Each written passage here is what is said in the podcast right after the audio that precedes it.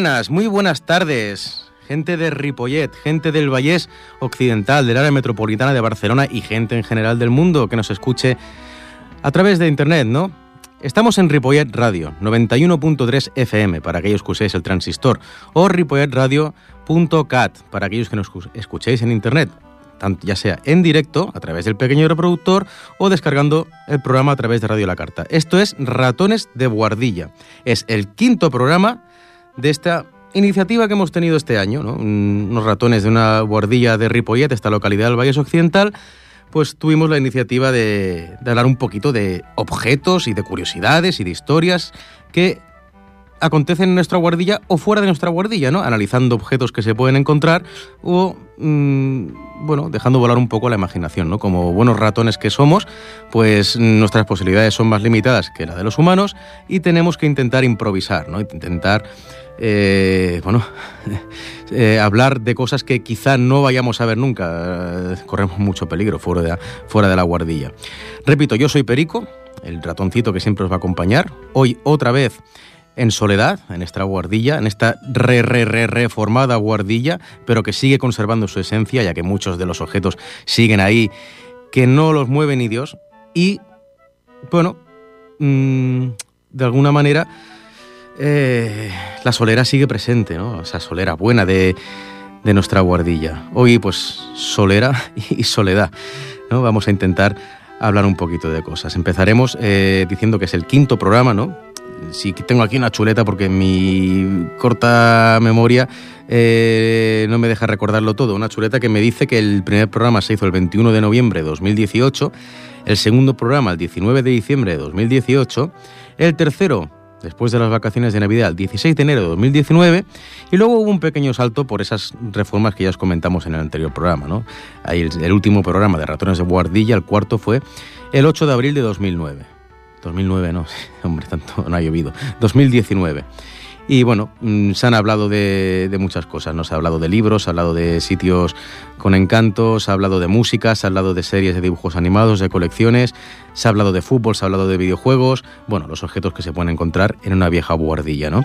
Sobre todo nos hemos querido centrar en, en los años 70, 80, 90 y principio de los 2000, ¿no?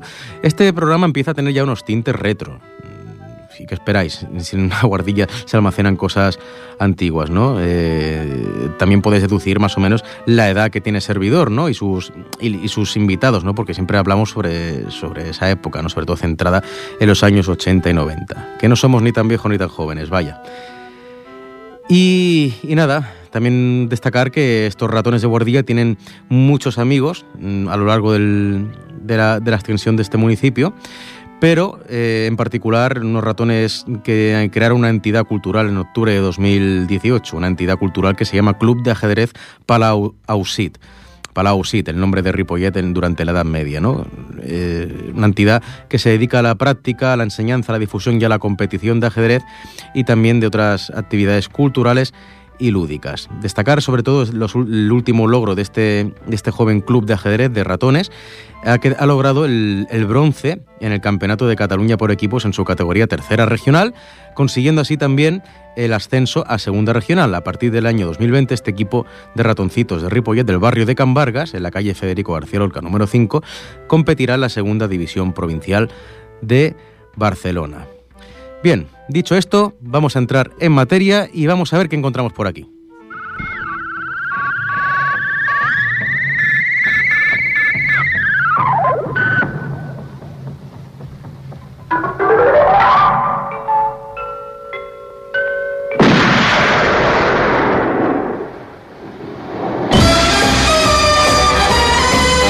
Mira tú por dónde, mira tú por dónde lo que, se ha, lo que se ha encontrado hoy en la guardilla. Una vieja caja con todas las películas de la saga James Bond, el espía 007, al servicio secreto de Su Majestad la Reina, bueno, en aquella época Isabel, y sigue siendo Isabel, de, Inglaterra, personaje de ficción que eh, ya son 25 películas en las que aparece, ¿no? interpretado por seis actores diferentes.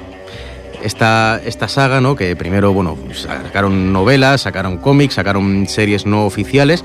Bueno, luego llegó a la gran pantalla, tanto en versiones oficiales como no oficiales, oficiales en su mayoría, con diferentes productoras y diferentes directores. Y nada, larga vida al espía 007. Estáis escuchando ahora mismo la banda sonora, la introducción a la primera película de El espía 007, James Bond, ¿no? La primera película, si no me equivoco, data de 1962 y está interpretada por Sean Connery. Sean Connery que hoy en día ya debe rondar los 90 años, ¿no? Hablamos de la película James Bond contra el Doctor No y efectivamente año 1962 en la que el espía 007 eh, se enfrenta a uno de los eh, jefes de la organización terrorista Spectra, ¿no? Se enfrenta en la isla, en la isla de Jamaica, donde se está llevando a cabo una maquiavélica misión de desviar misiles eh, norteamericanos, ¿no? Que salen de, de la base que tienen en Florida o cerca de la isla de Cuba, ¿no? Siembran el caos en el Caribe, ¿no? Y en esta película, en esta primera película de James Bond, protagonizada por Sean Connery y también por la fascinante entonces Úrsula Andrés, se intenta, eh, bueno, pues eso, conocer, eh, ya da a entender que la saga va a continuar y que se va a enfrentar a varios secuaces de, de Spectra, ¿no? En este caso, pues ya hemos dicho, el Doctor, el Doctor No, ¿no? En el que se intenta eh, anular esa actividad en el Caribe contra los misiles norteamericanos. Esta es la primera película de James Bond. Y ahora vamos a la segunda película de la saga. Vamos allá. Seguimos hurgando en la caja de las películas de James Bond y nos topamos con el segundo VHS. En este caso, a ver si adivináis qué película se trata. Subamos esta música. Efectivamente, año 1963, desde Rusia con amor, película protagonizada también por Sean Connery. En esta ocasión dicen, dicen que es la mejor película de toda la saga, la, la que mantiene más la esencia del espionaje británico, donde empieza a también darse ya un poquito más de importancia al tema de fondo de la, de la Guerra Fría entre Estados Unidos y la Unión Soviética. Y en este caso el espía 007, James Bond, viaja a, varios lugares, sobre todo a Turquía, a Estambul, en el que eh, trata de eh, bueno, mm, seguir combatiendo a otro, a otro de los malvados de Spectra, ¿no? En este caso, eh, bueno, varios atentados en la ciudad de Estambul, también algunas desestabilizaciones en lo que era la antigua Yugoslavia. Y, nada, tiene que enfrentar a varios, a varios secuaces, entre uno de ellos un ajedrecista con un pensamiento muy retorcido y una, y una desertora de, del, ejército soviético, ¿no? una desertora que a la vez eh, intenta mentir a una joven trabajadora de, del sistema soviético para que lleve a cabo una misión, ¿no? que es la, misión de, de, enfrentarse, como no, al mundo, al mundo occidental. ¿no? Otra vez, James Bond impide los planes de Spectra y bueno, ya empieza a verse de fondo un poquito el, el, que va a ser el jefe de la organización criminal, ¿no? En este caso, el doctor Ernst Stavro Blofeld, ¿no? En este caso solo se ve pues la típica imagen, la famosa imagen del malvado de James Bond de espalda, eh, junto a su... bueno, acariciando su gato, sentado en su trono, acariciando su gato. Vamos a la tercera película de la saga de James Bond. Vamos allá.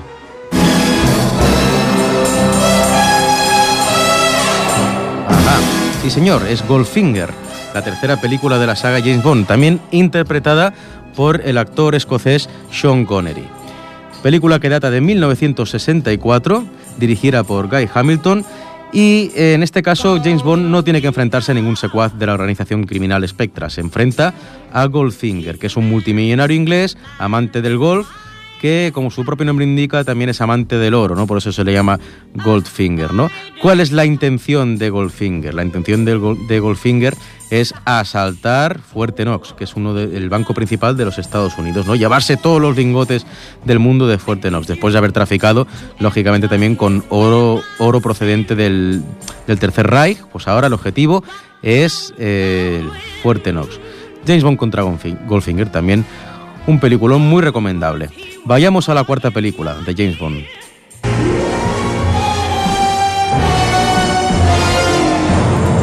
Otro clásico, año 1965, Thunderbolt, también conocido en español, en castellano, como Operación Trueno.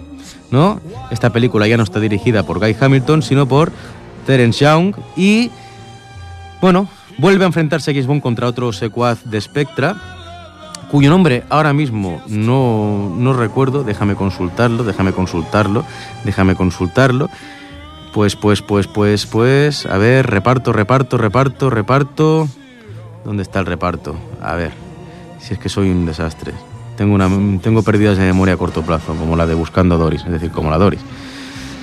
Ajá, James Bond se enfrenta en Operación Trueno a Emilio Largó, ¿no? Un otro multimillonario que tiene un parche en el ojo, ¿no? Un aspecto de pirata, que vive en un yate llamado el Disco Volante y mm, intenta también, como no, eh, atentar ¿no? contra, contra Estados Unidos.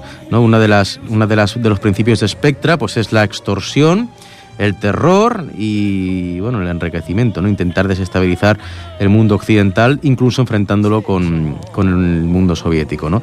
Largó, pues, eh, después de someter a, a, un general francés a varias cirugías, lo, lo logra reclutar para el para Spectra, ¿no? Y bueno, mm, la, eh, logra robar una bomba nuclear ¿no? de una base norteamericana e intenta eh, atentar desde ese disco volante si el Reino Unido no paga el rescate. Otra vez Sean Connery desarticula los planes de Spectra y eh, elimina a, em, a, Emilio Largo con la ayuda de bueno, otra chica Bond, ¿no? que es Dominó Petacci, la hermana del del general Petacci del, del ejército francés. Vayamos a la quinta película de James Bond. We're too late. Well, at least he died on the job. He'd have wanted it this way.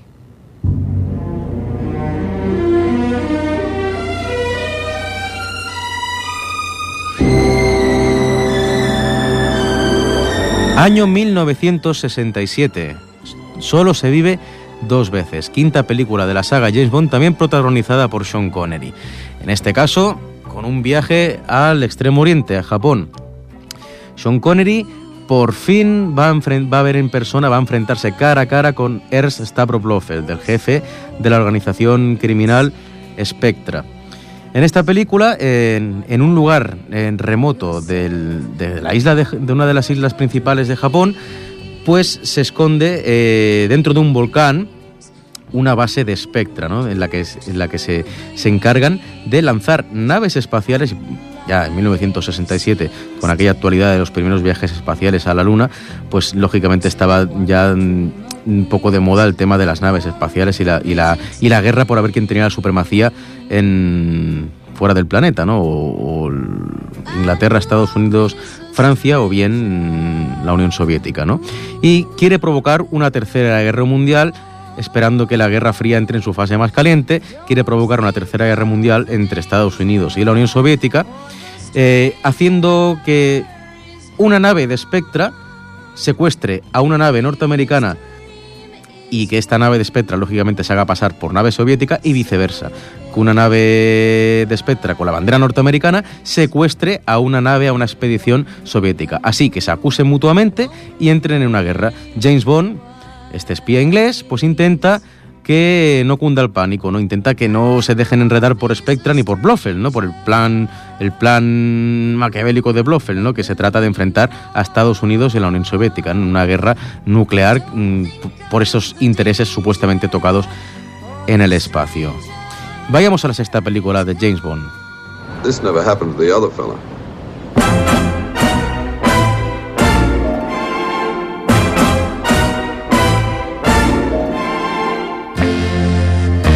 Ajá, otra película esencial, 1969, la primera y la última película interpretada por el actor australiano George Lazenby. Al servicio secreto de su majestad, Blofeld escapó en la quinta película de aquella manera que siempre escapaban los malvados, no como un ratoncito que está siendo perseguido por un gato, pues siguió, se escapó y se organiza, eh, después de una cirugía, se hace pasar por un conde un, rico conde se, organiza otra vez, se reorganiza su organización Spectra desde los Alpes, ¿no? En, en, un pico en los Alpes. Y desde allí, ¿qué intenta? Intenta hipnotizar y drogar a unas supuestamente inocentes jóvenes para que lleven a todas partes del mundo, ya que cada joven es de, de un rincón del mundo, eh, con la excusa de que hay una terapia curativa en un, en, un balneario, en este, en este pico de, de los Alpes, pues intenta eh, eh, hipnotizarlas, las droga y las carga de una serie de... de bueno, como agentes químicos, ¿no? agentes bacteriológicos, para iniciar una guerra química que acabe pues con la humanidad, ¿no? Blofeld pues quiere consumar así su venganza, ¿no? Eh, con sus ángeles de la muerte que les llama, ¿no? Y esta vez eh, George Lazenby, que por cierto no estuvo a la altura de Sean Connery en esta película, pues interpretando a la gente 007, logra eh, interceptar mm, esa, esa difusión del agente químico a través de las chicas por todo el mundo. Vayamos a la séptima película.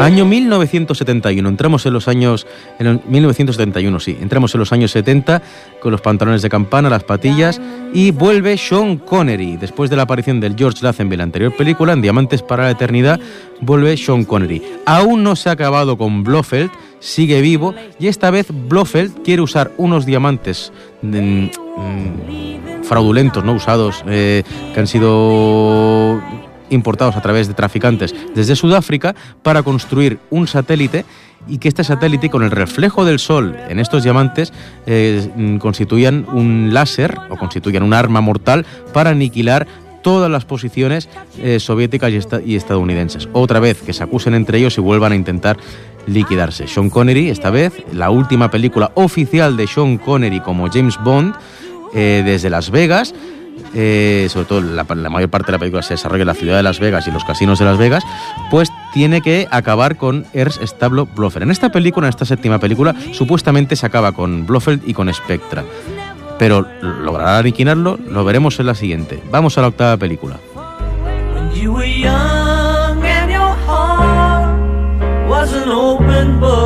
Efectivamente, estos que suenan son los Beatles, en la voz de Paul McCartney, año 1973. Vive y deja morir. Sean Connery se retira de los escenarios de la película de James Bond, oficialmente, porque luego veremos que en un futuro hará otra película no oficial, no reconocida por la productora, y es el turno de Roger Moore, que conocido en otras series como El Santo, ¿no? que había salido antes en, en varias series, el londinense Roger Moore muy criticado porque ¿qué era eso de un James Bond rubio? Bueno, mm, Roger Moore quizá no tuviera la misma agilidad ni la misma esencia de James Bond que demostraba eh, Sean Connery, pero sí que es cierto que era muy famoso por sus caras, por sus gestos y por su humor negro.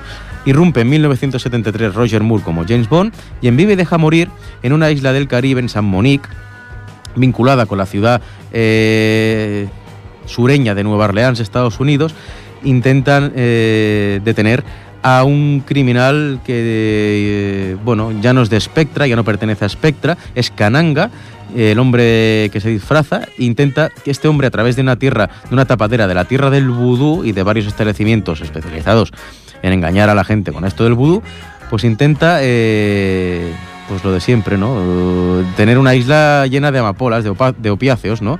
Intenta, es un narcotraficante eh, de, los, de los primeros arcaicos narcotraficantes de los años 70, este Kananga. Y James Bond, lógicamente, logra prenderle fuego a la isla de Kananga, Saint Monique.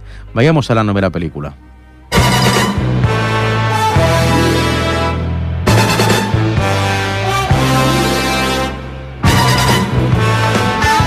1974, El hombre de la pistola de oro, quizá una de las películas más flojas de la, saga, de la saga de James Bond.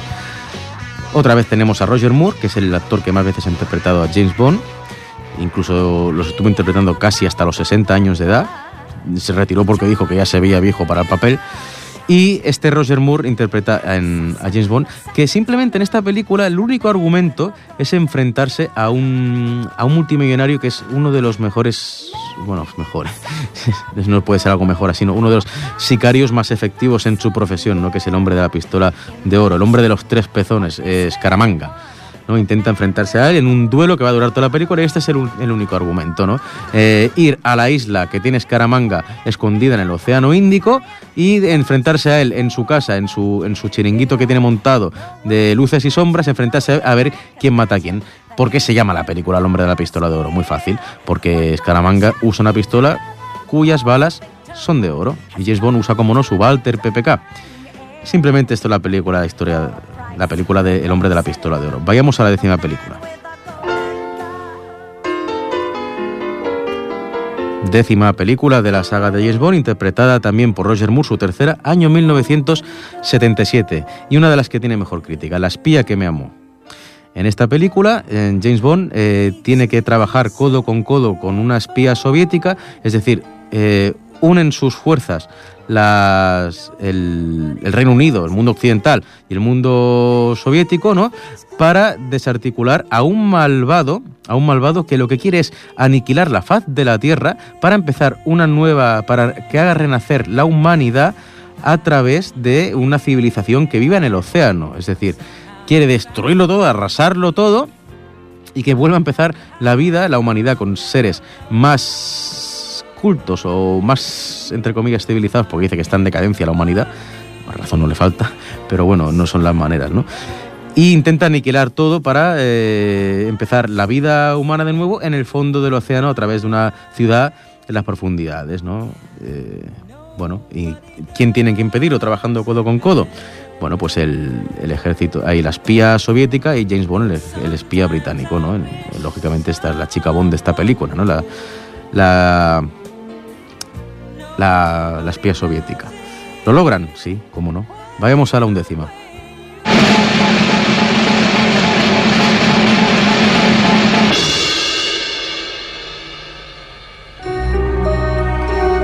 Ya llegando a los años 80, año 1979, y siguiendo con el tópico de la carrera espacial, y siguiendo también la línea de la anterior película de un multimillonario que quiere arrasar al ser humano a través de otro agente químico y quiere crear una vida, una civilización humana nueva con seres en teoría superiores. ¿no? Este, este multimillonario Drax, que se llama, quiere que eh, aniquilar a todo el planeta Tierra y llevar solo en unas arcas, llamadas arcas de Noé, naves espaciales, a una ciudad que él construye en el espacio, la anterior película era en el fondo del mar, pues esta es en el espacio, quiere volver a empezar con seres llamados superhéroes, ¿no? Los más guapos, los más altos, los más inteligentes, los más cultos, bueno, ¿no? Eh, en un claro guiño hacia hacia pues, ideas que tuvieron otros regímenes totalitarios, ¿no? Por ejemplo, el régimen del Tercer Reich, que lo que quería era, la superioridad de la, de la raza aria, ¿no? Pues Drax, este multimillonario francés,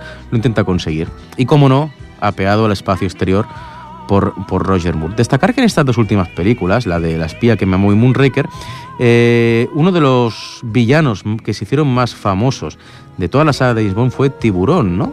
Ese actor que medía tres metros, prácticamente interpretado por Richard Kill. Sale tanto en, en La espía que me amó como que La espía que me amó como en Moonraker, ¿no? Y, y, bueno, al final este villano pues acaba haciendo de héroe, ¿no? Ayudando a Roger Moore, a James Bond, a aniquilar a Hugo Drax y sus planes de aniquilar el mundo y empezar de cero en el espacio. Vayamos a la duodécima.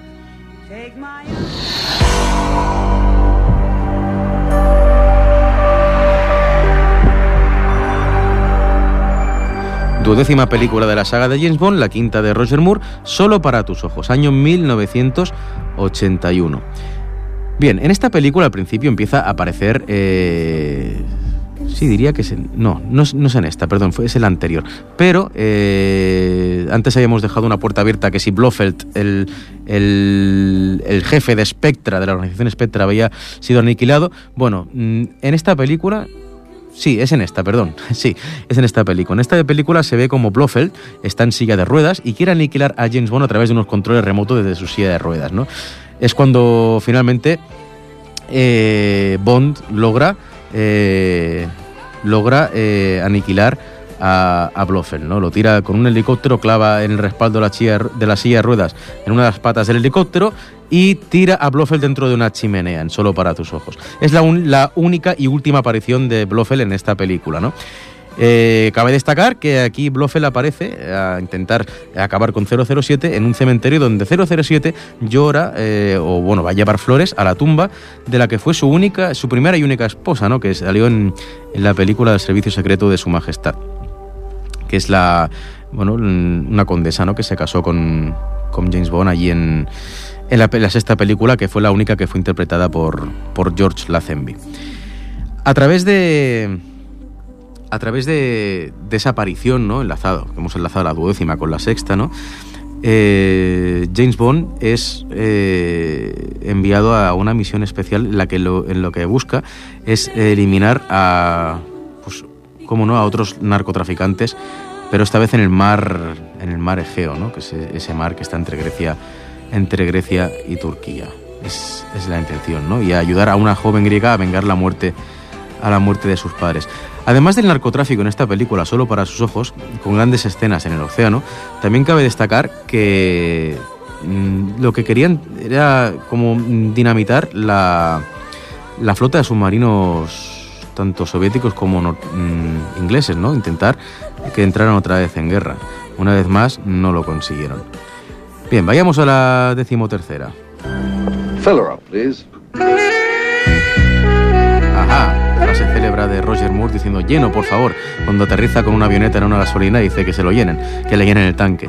Y está una de las mejores películas también de, de James Bond, Octopussy, una película en la que un general, en la que un general ruso pues ve como ya la Unión Soviética se está debilitando, eh, se está acabando poco a poco con la Guerra Fría y las tensiones, han, buscado una solución pacífica y un radical general ruso que quiere a través del narcotráfico de joyas robadas en el Museo del Hermitage de San Petersburgo, quiere eh, subvencionar o pagar un programa nuclear para arrasar mm, con el mundo occidental, ¿no? Seguimos otra vez con el tópico de la Guerra Fría y, las, y, la, y, los, y los pocos vestigios de tensiones que, va, que van a ir quedando. Habría una, habrían varias tensiones más de la Guerra Fría en los años 80, pero bueno, ya se estaba estabilizando un poco, tema, un poco el tema.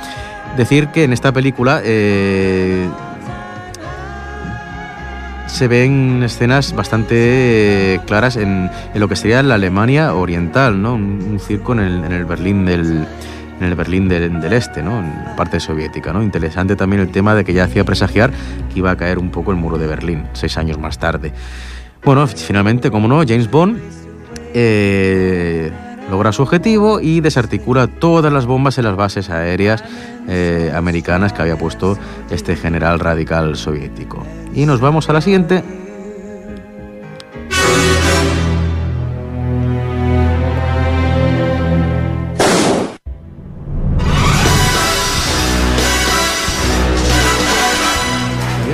Porque esta, esta, esta canción es, la veía demasiado moderna, ¿no? Y estamos hablando también del año 1983. Pero bueno, es una intro, es una intro, es una intro que hay para maquillar un poco.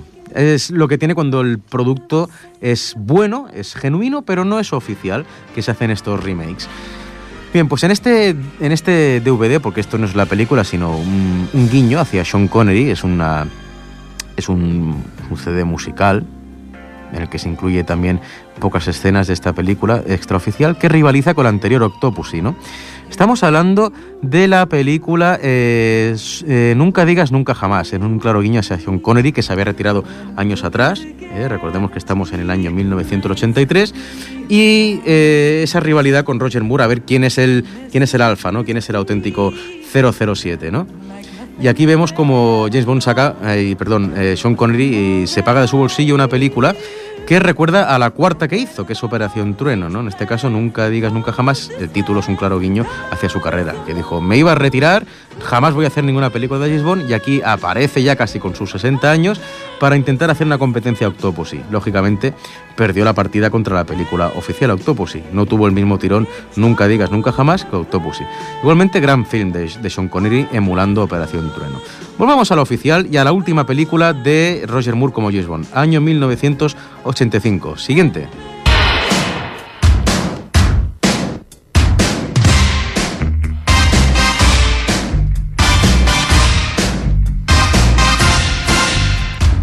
Ajá, tal y como son los que cantan. Ajá.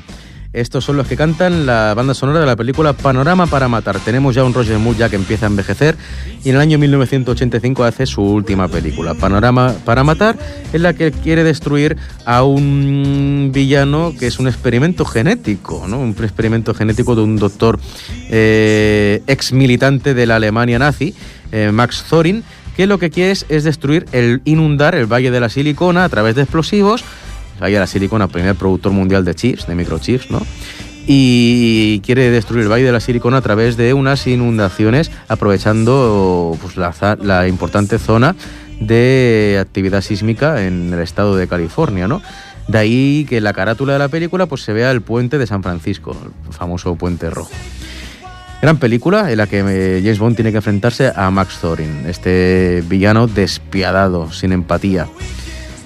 Y se acabó Roger Moore. Vámonos a Pierce Brosnan, siguiente película. No, no es Pierce Brosnan. No es Pierce Brosnan, ya te has colado.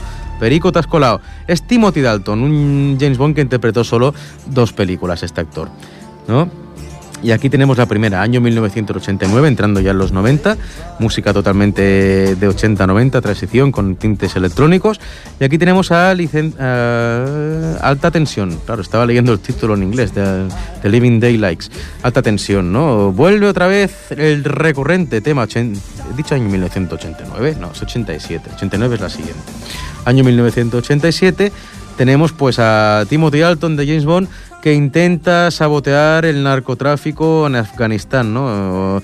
Eh, los soviéticos, aprovechando la invasión soviética, pues intentan intercambiar opio por joyas y suministrar armas a los talibanes ¿no? en, las montañas de, Torabora, en Afganistán. ¿Qué ocurre? Que, bueno, eh, ¿quién vende armas a los, a los afganos, a los rebeldes afganos? Pues un desertor del ejército estadounidense. ¿Quién ¿Quién compra a través del opio? Pues traidores a la patria soviética que comercializan con los talibanes. ¿Quién tiene que triunfar? Bueno, James Bond y los afganos que lo único que quieren es que los dejen en paz. Americanos, ingleses, rusos, traficantes, eh, es lo único que quieren los rebeldes afganos mm, que, les dejen en paz. ¿no? Y finalmente, tal y como pasó en la realidad, eh, superaron esa, esa invasión soviética. Y, tal y como dice el título de la película, hubo alta tensión entre las, las, entre las dijéramos, entre las potencias mundiales. Parece que la Guerra Fría no iba a acabar nunca y parece que Timothy Dalton James Bond acaba con esa Guerra Fría. Vámonos a la siguiente película de Timothy Dalton como James Bond. Rápidamente, año 89, el único argumento de esta película es James Bond, eh, bueno, mm, dejan muy mal parado a su colaborador en la CIA, el histórico Felix Leiter, que sale en otras películas, y eh, por venganza quiere matar a un narcotraficante que no para de usar los países del Caribe como repúblicas bananeras y, bueno, simplemente por venganza quiere acabar con este narcotraficante. Vámonos ahora sí a Pierce Brosnan. De seis años sin películas de James Bond, año 1995 encontramos GoldenEye, ¿no? Ya eh, va a ser prácticamente la, sí, es la última película en la que se menciona eh, a la guerra pseudo fría, porque ya no es guerra fría, ya había caído el muro de Berlín seis años atrás. Y eh, James Bond lo único que quiere es interrumpir la actividad de Alec Trevelyan, ¿no? Un cosaco, que, un hijo de cosacos que lo único que quiere es acabar con eh, Londres por venganza, ¿no? Porque los ingleses manipularon a los cosacos, igual que lo hicieron los soviéticos, un cosaco de Lienz, ¿no? Si no me equivoco, eran, eran procedentes de Ucrania y eran, eran usados como espía, ¿no? Y el agente 006, Alec Trevelyan, pues lo único que quiere es mm, vengar la muerte de sus padres y el maltrato, la poca gratitud que demuestra eh, el, M, el M16, ¿no? Que es el servicio secreto británico. Entonces se enfrentan 006 y 007, gana como no 007, el jovencísimo en esa época, Pierce Brosnan. Vamos a la siguiente.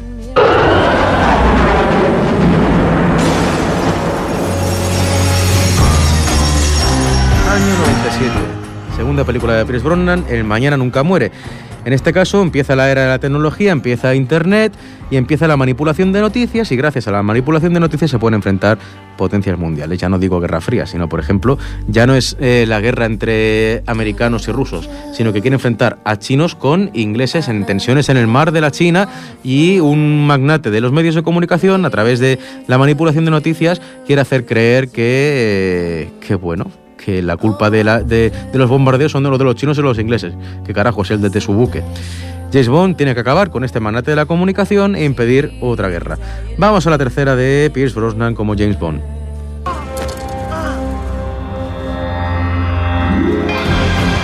Y es El Mundo Nunca Suficiente, año 1999. Película que empieza en el museo recién estrenado prácticamente Guggenheim de Bilbao y en el que James Bond tiene que enfrentarse a un terrorista que bueno que ya es ya terrorista porque sí no no defiende ninguna ideología política. Había sido este terrorista había sido eh, un desertor del KGB pero bueno eh, lo que quiere es destrozarlo todo no destrozarlo todo. Es un terrorista que se encuentra eh, con una bala en la cabeza y cualquier día va a morir pues lo único que quiere es destrozarlo todo y es Renard este terrorista. Renard y eh, James Bond tiene que impedir que, bueno, que lo arrase todo con sus submarinos nucleares. Vamos a la siguiente y última película de Pierce Brosnan.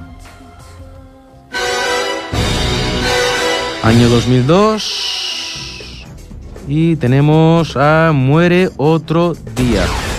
Esta vez el enemigo es Corea del Norte que quiere acabar con Corea del Sur. Después de ser torturado, James Bond tiene que acabar con eh, el bueno con un coreano que se hace una cirugía se hace pasar por caballero inglés y tiene que acabar con la con otro satélite asesino ¿no? que quiere arrasar el, el paralelo 39 que separa las dos Coreas. Simplemente eso. Y aquí se acaba Pierce Brosnan como James Bond. Vamos al James Bond más polémico, controvertido y que rompe con la historia y el concepto de James Bond. Vamos a la siguiente.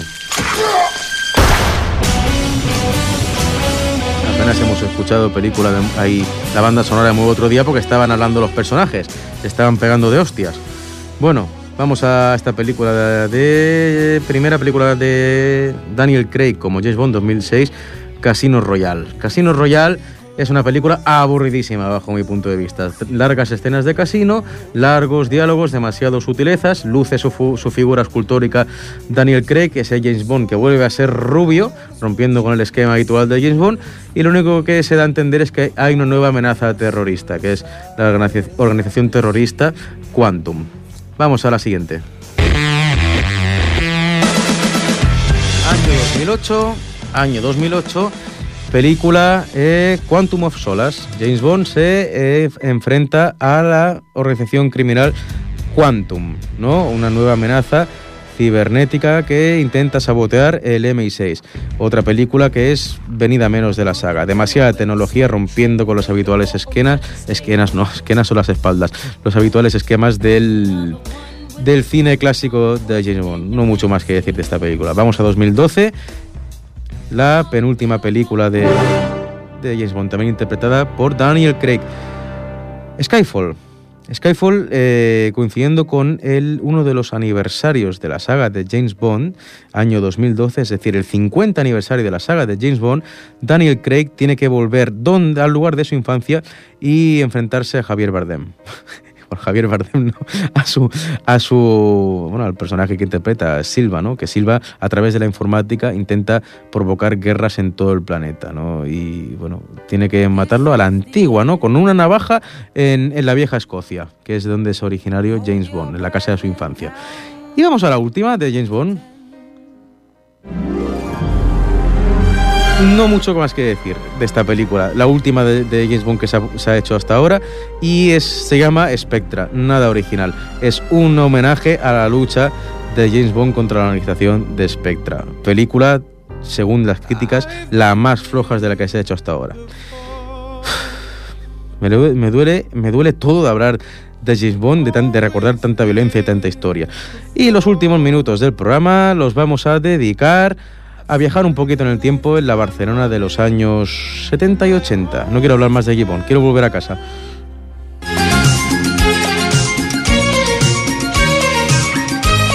Rápidamente, como el tiempo se nos ha echado encima y quería escuchar por lo menos tres bandas sonoras, mm, vamos a hacerlo a corte de resumen o de avance para el siguiente programa, ¿no? Vamos a hacer un avance para el siguiente programa.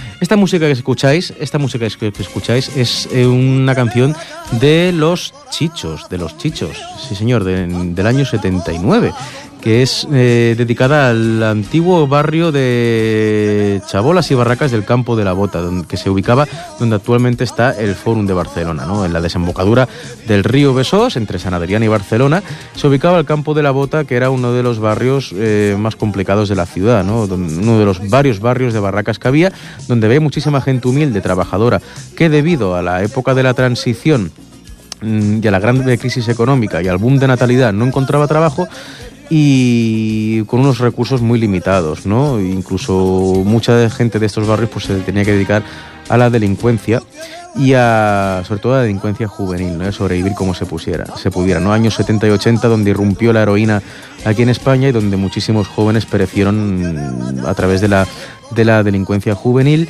y a través de la de la droga, ¿no? de la heroína. Es la época en la que emergen eh, personajes como el vaquilla, como el torete, personajes como el Jaro, como el Gato, eh, bueno, eh, y con interpretados por grandes actores y dirigidos con mayormente por dos directores, ¿no? que son José Antonio de la Loma y Eloy de la Iglesia, ¿no?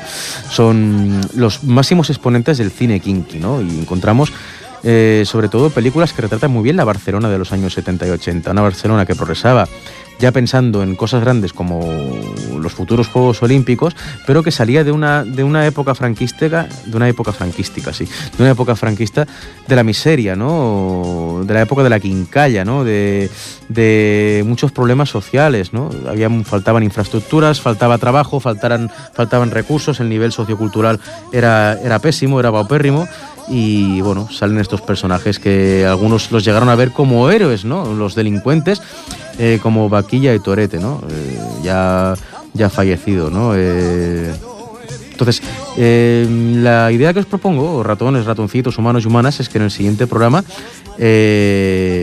pues bueno, profundicemos un poquito en, en, esa Barcelona de los años 70 y 80 a través de los ojos del cine kinky y de personajes como el Vaquilla y el Torete, ¿no? Ubicados sobre todo en, en el barrio del Campo de la Bota, y en el barrio de la Mina de Barcelona, ¿no? en el barrio también de Torrebaró, donde, donde se organizaban y posteriormente daban sus golpes. ¿no? Hablaremos de la película Perros Callejeros, Joel Baquilla y otras películas de cine kinky. Y bueno, ratoncitos y ratoncitas, con esto y un cacho queso, pues nos vemos en el siguiente, en el siguiente programa. Hasta otra.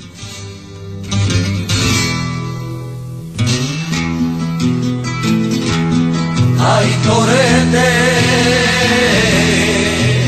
en la historia de tu vida que se ve muy repetida.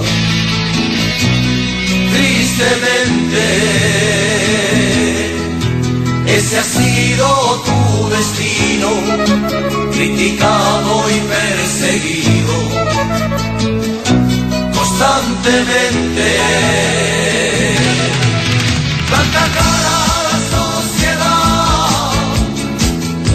Inocente